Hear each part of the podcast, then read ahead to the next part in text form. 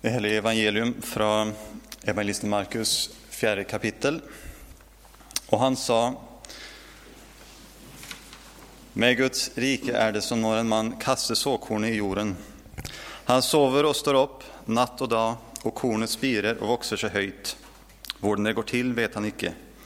Av sig själv bär jorden gröde, först strå, så ax, så fullmodig korn i axe. Men när gröden är moden sänder han strax sign ut, för hösten är kommet. Han sa, vad ska vi ligna i Guds rike med? Vad lignelse ska vi bruka om det? Det är som med senapsfrö. När det blir sådd i jorden är det mindre än något annat frö i jorden. Och när det är sådd växer det upp och blir större än alla hageväxter. Det skyder stora greiner, slik att himlens fuglar kan bygga rede i skyggen av det. I många slike liknelser talte han ordet till dem, så mycket de var i stand till att höra. Utan liknelser talte han icke till dem. Men när han var alene med sina egna discipler, utlade han för dem allt samman. Slik lyder det helige evangelium. Detta var orden Helge Far, helge oss i sannheten, ditt ord är sannhet. Amen.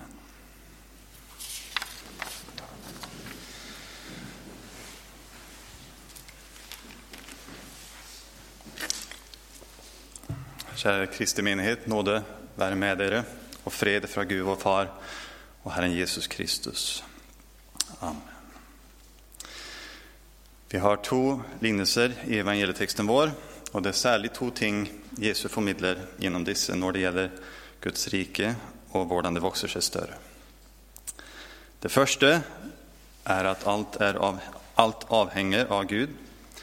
Det andra är att det Gud gör kan se lite ut till att begynna med, men det är bara begynnelsen. Först senare blir det tydligt vad som allerede var där från begynnelsen, selv om det var skjult för våra ögon. Men vi ser, och i alla söndagens tre texter, att Gud brukar såmannen som ett redskap för att uppnå sin vilja.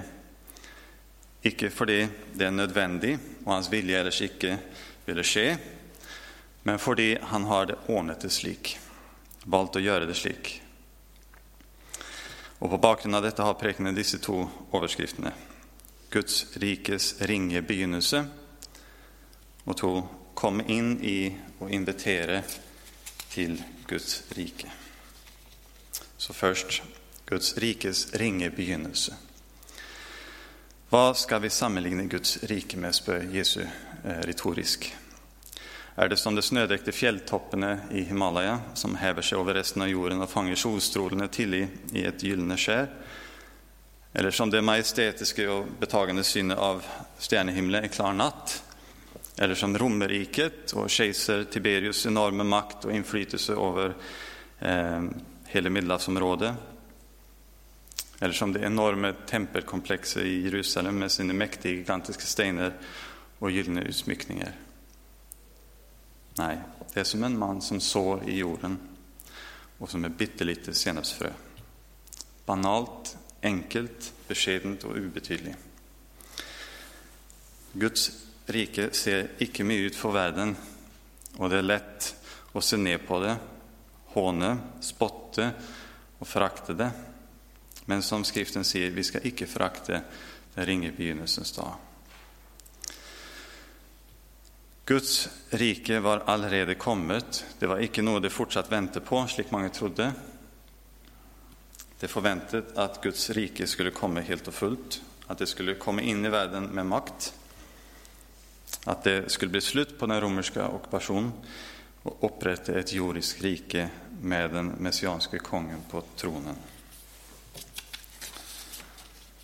Men nej, det ville icke tänker så, slik om Guds rike. Det var fel förväntningar att ha. Och om du hade slika förväntningar var faren stor att du ständigt gick glipp av det Gud gjorde. Var faren stor och, detsamma gäller idag. Om du har fel förväntningar till hur Guds rike ska vara, hur den ska se ut och hur du ska känna det igen, går du glipp av det Gud allerede gör. I Lukas 17 kapitel, vers 20 och 21 eh, blir Jesus spurt av fariseerna om når Guds rike ville komme, og de antok at det ikke allerede var her. Og Jesus svarte, Guds rike kommer ikke slik at dere kan se det med øyne. Ingen skal kunne si, se, her er det, eller der er det. Nei, Guds rike er midt iblant dere. Guds rike er midt iblant dere. Både Johannes Döparens och Jesu första proklamation var ”Omvänd er och tro på evangeliet. Guds rike är när.” Guds rike är när. Det betyder icke när i tid, att det snart vill komma, om en liten stund. Utan här betyder när, när dig. Oj, mitt ibland är Det är här, när dig nå. Och Guds rike kan också översättas med Guds styre. Och hvordan såg det ut? Hvordan, och hvor var det? och svaret på dessa båda spörsmål är Jesus. Där han är, där är Guds rike. där är Guds styre. I ham ser vi hvordan Guds styre ser ut. Och han var full av nåde och sannhet och av hans fylle har vi alla fått nåde och atter nåde. Hans rike är ett nåderike. Hans styre består i nåde, tillgivelse, försoning och förnyelse. Hvordan var Guds rikes ringe begynnelse? Hva så folk? Det de såg var en omflackande rabbiner från en avkrok av Nasaret sammen med et gjeng fiskere, en forhatt skatteoppkrever, eh, en, upp, en opprører, en prostituerad och andra som sannolikt ikke tillhörde samfundets øverste skikt. Slik så Guds rike ut i begynnelsen. När Jesus forteller dessa lignelsene, är det som han säger, nå ser dere mennesker uten ære, uten noe høy stilling, utan något speciellt, Men detta är Guds rike bland er. Nå ser de hur vi blir föraktet, hånet och snart också lider och dör. Men dere ser ännu icke min härlighet, vem jag är och dere ser icke vad mina discipler allerede är vid troen och en dag ska bli helt och fullt. Johannes skriver i sitt första brev Verden kjenner oss ikke fordi den ikke har lært ham å kjenne. Mine kjære, nå er vi Guds barn, og det er ennå ikke åpenbart hva vi skal bli. Men vi vet at når Han åpenbares, skal vi bli lik ham, for da skal vi se ham slik han er. Og likevel er Guds rike allerede her. Og hvis vi tilhører Jesus, har vi også del i Guds rike. Vi er borgere av Guds rike med håp om evig liv. Men detta borgerskapet gör oss till främmande för världen, eller till och med till fiender av den. Det är inte bara det att världen inte känner oss, och det är heller inte bara det att den ser ner på oss, men den hatar oss. Hade du tillhört världen, ville världen ha älskat dig som sin egen. Men dere tillhör icke världen, men jag har utvalt dere och tagit dere ut av världen. Därför hatar världen dere. Og dette hatet stopper ofte ikke med følelser, men kommer også til uttrykk i handling. I hån, diskriminering, undertrykkelse og vold. Og vi kan føle oss svake og maktesløse. Men det fins også en hemmelighet i Guds rike. I vår svakhet blir Guds kraft fullkommen. Guds rike snurrar upp och ner på vår förståelse av makt och success. Det världen jaktar på i form av bekräftelse, beundring, ros, rikedom, inflytelse och makt, är i bästa fall söppel, men oftare snarare som förer människor till fortappelse Några gånger allerede i detta livet, men alltid när det ska avlägga egenskap får Herren på den yttersta dagen. Äkta success har ingenting att göra med om vi är rika eller fattiga, om vi är beundret eller föraktet, om vi är psyke eller friska. Verklig success har att göra med om vi känner Jesus, om vi har blivit renset i hans blod och har fått tillgivelse för våra synder. Om vi har en far i himlen som älskar oss, om vi har hopp om evigt liv. Asaf var missunderlig på dem som hade success i denna världen, men då han insåg deras skepnad insåg han också vad det enaste som verkligen betyder något är, Herren. Det enaste som betyder något är Herren. Och som det står i psalmen hans, psalm 72. Har jag dig söker jag intet på jorden. När mitt lägeme och mitt hjärta ger upp är Gud mitt hjärtes klippe och min lott för evig tid. Visst du har Herren har du allt. Men varför hatar världen oss? Varför nöjer den sig icke med att se ner på oss? Även om Guds rike er, icke är av denna världen och på många måter vi blir sett på som svagt, är det icke något annat än detta som världen är så rädd för.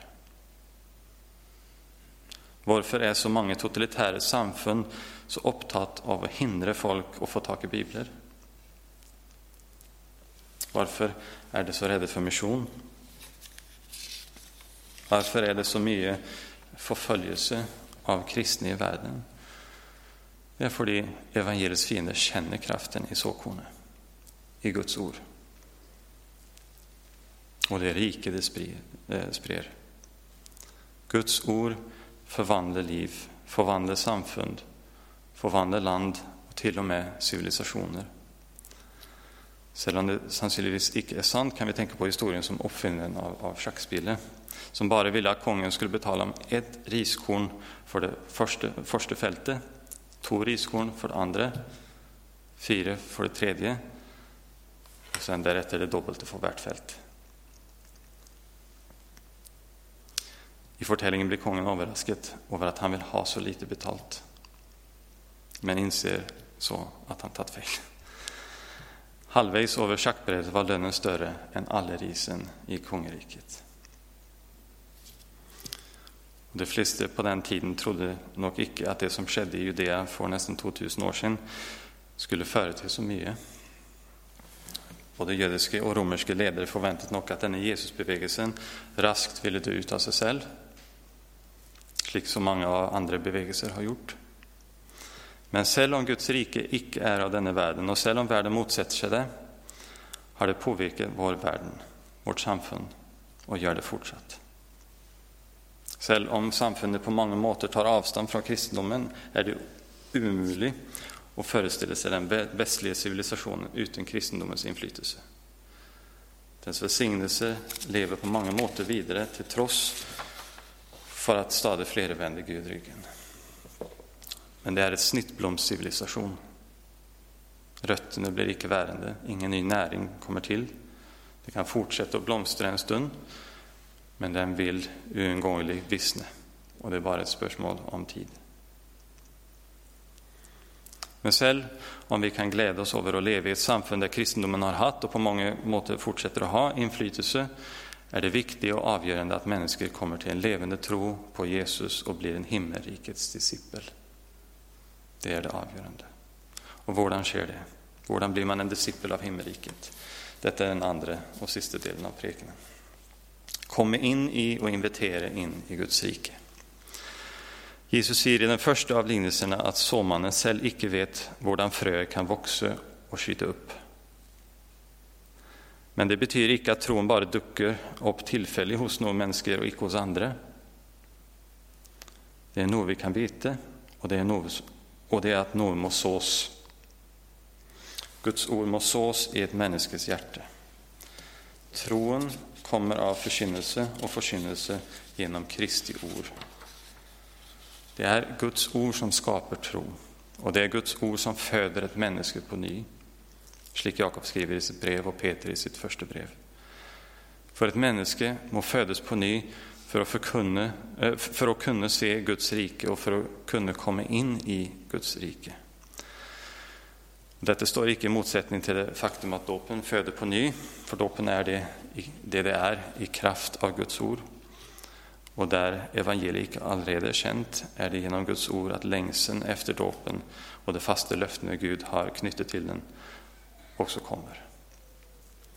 Därför, som Paulus också gör klart i episteltexten, tränger någon att förkynne.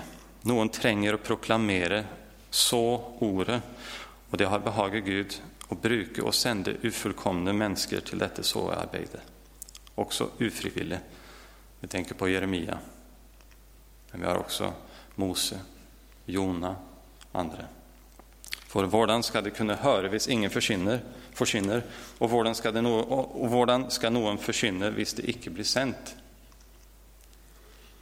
Dette betyr ikke at det er vårt verk om en menneske blir frelst og får del i Guds rike. Det är att tänka baklänges.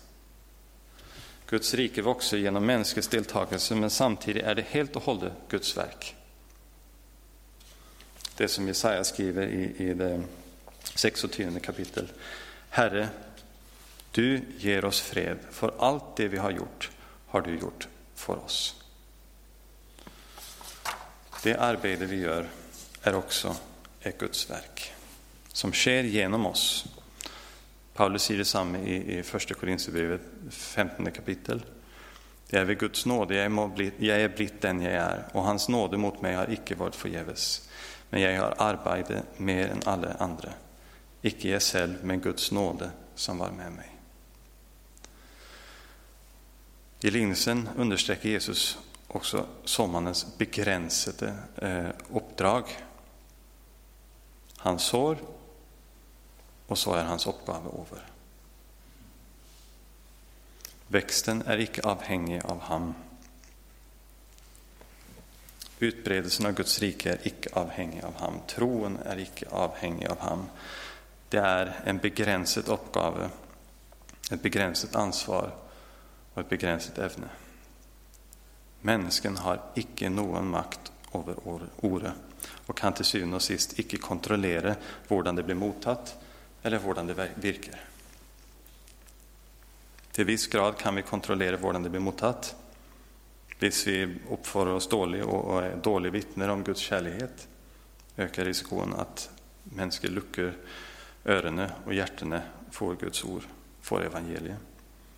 Och på samma måte kan kärlek och omtanke få människor skapa nog tillit till att de i det minsta vill höra vad vi har att säga och få möjligheten till att snacka om Jesus. Men till syvende och sist är det Guds ord som är virksamt i sig självt. Och det är det enaste som kan skapa tro. Vi vet egentligen inte hur det skapar tro i ett människa, annat än att det är Gud själv som genom den helige Ande träcker henne till Kristus och ger henne en ny födsel. Vi kan icke ta äran för det. Det är Gud alene som ska ha äran. Men det ligger också en vila i detta. Vi får dela evangeliet, fortälla människor om Jesus och Guds rike. Vi kan så frö, och för all del i lika med Apollos eh, vanne, hvis vi får möjligheten. Men så må vi överlåta växten till Gud. Vi kan icke skapa tro. Vi kan komma med överbevisande resonemang, fantastisk apologetik, bländande logik och moraliska argumenter som är vanskliga att övervinna. Og vi kan vara där för människor, vara goda lyttere, ge goda råd, ge støtte och hjälp på många olika måter, vara rause och kjærlige. men vi kan icke skapa tro. Og du har säkert människor som står dig nær, familjemedlemmar, vänner, kollegor som du har bett för, som du har snackat med Jesus om, men vår troen, i hvert fall så långt du kan se, icke har kommit.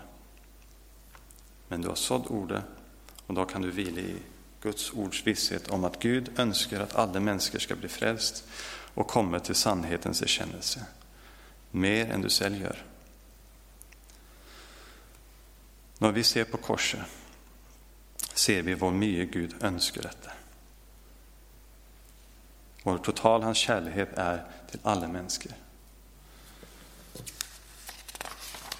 Och samtidigt kan människor motstå den helige And, får härda hjärtene sine och icke bli tilltrycket till Jesus. Och det är det allt för många som gör. Ikke alltid dem du tänker på. Det kan vara hos dem som ser ut till att göra mest motstånd, att Den helige and virker mest. Paulus, för exempel.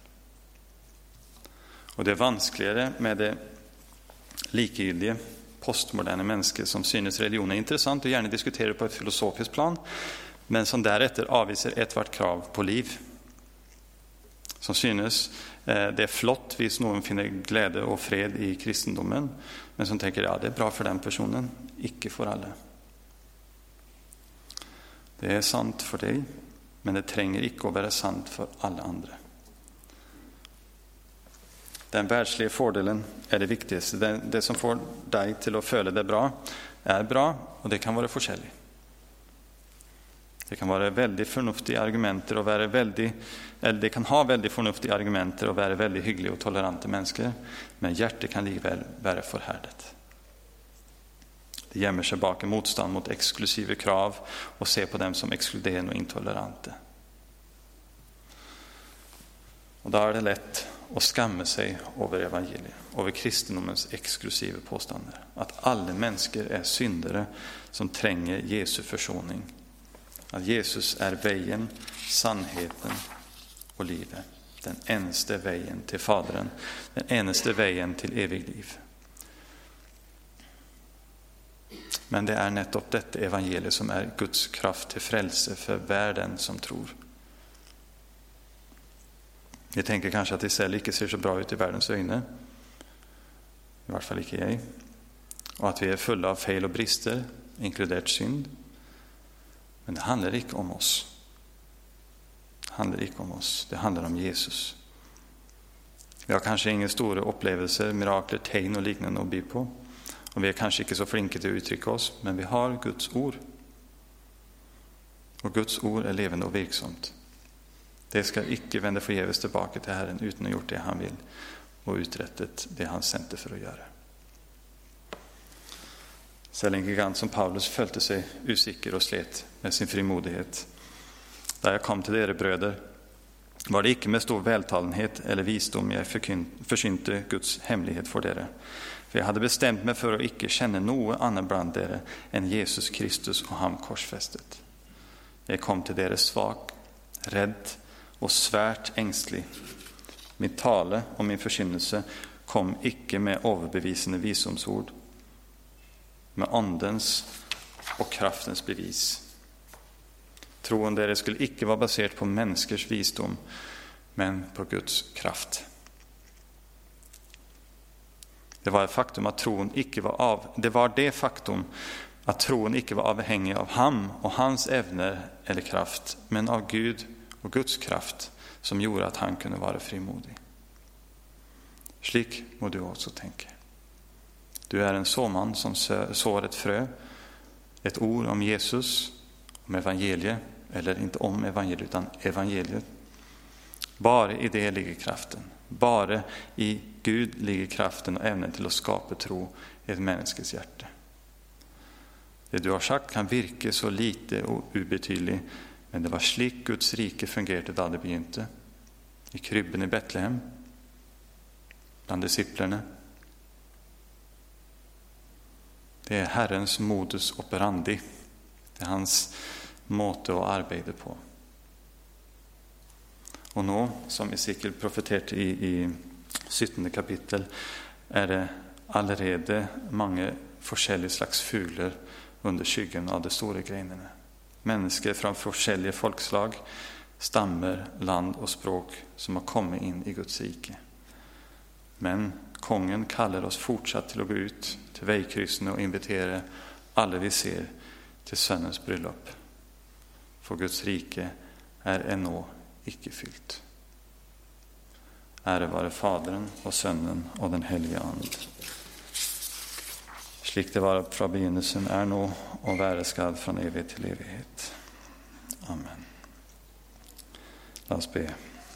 Herre vår Gud, himmelske Far, vi takker dig för att du i din stora barmhärtighet har gett oss den gode säd ditt helige ord, och sått det rikt i våra hjärtan. Vi ber dig vid din helige And, gör detta frö levande och fruktbart. Beskytt oss mot den onde fienden som vill så sitt ugräs bland oss och bevara oss från sikkerhet, oaktsamhet och stolthet så vi kan få bli i din frykt alla våra dagar och till slut gå in i den himmelska glädje.